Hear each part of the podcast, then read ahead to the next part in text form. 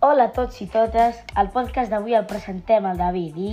l'Adrià, Avui fa una temperatura de 18 graus. i el cel està amb núvols. El dimecres 25 va ser l'aniversari de... La Índia de P5B, El Lucas de primer A, de la Daniela de quarta A la Paula de primer A... i de l'Eric de P3A. El dijous 26 va ser l'aniversari de... L'Helena de CCB, per molts anys, Helena. I de l'Hugo de segon B. Per molts anys, Hugo.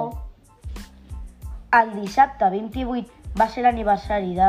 En Biel de P5B, per molts anys, Biel. I del diumenge 29 va ser l'aniversari de... En Bluc de P4B, per molts, Per molts anys, Lluc. Avui és el Dia Mundial de l'esclerosis múltiple. És una malaltia que afecta el sistema nerviós fent que tinguis sensació de picor per tot el cos, que s'atreguin coses, que tinguis fatiga...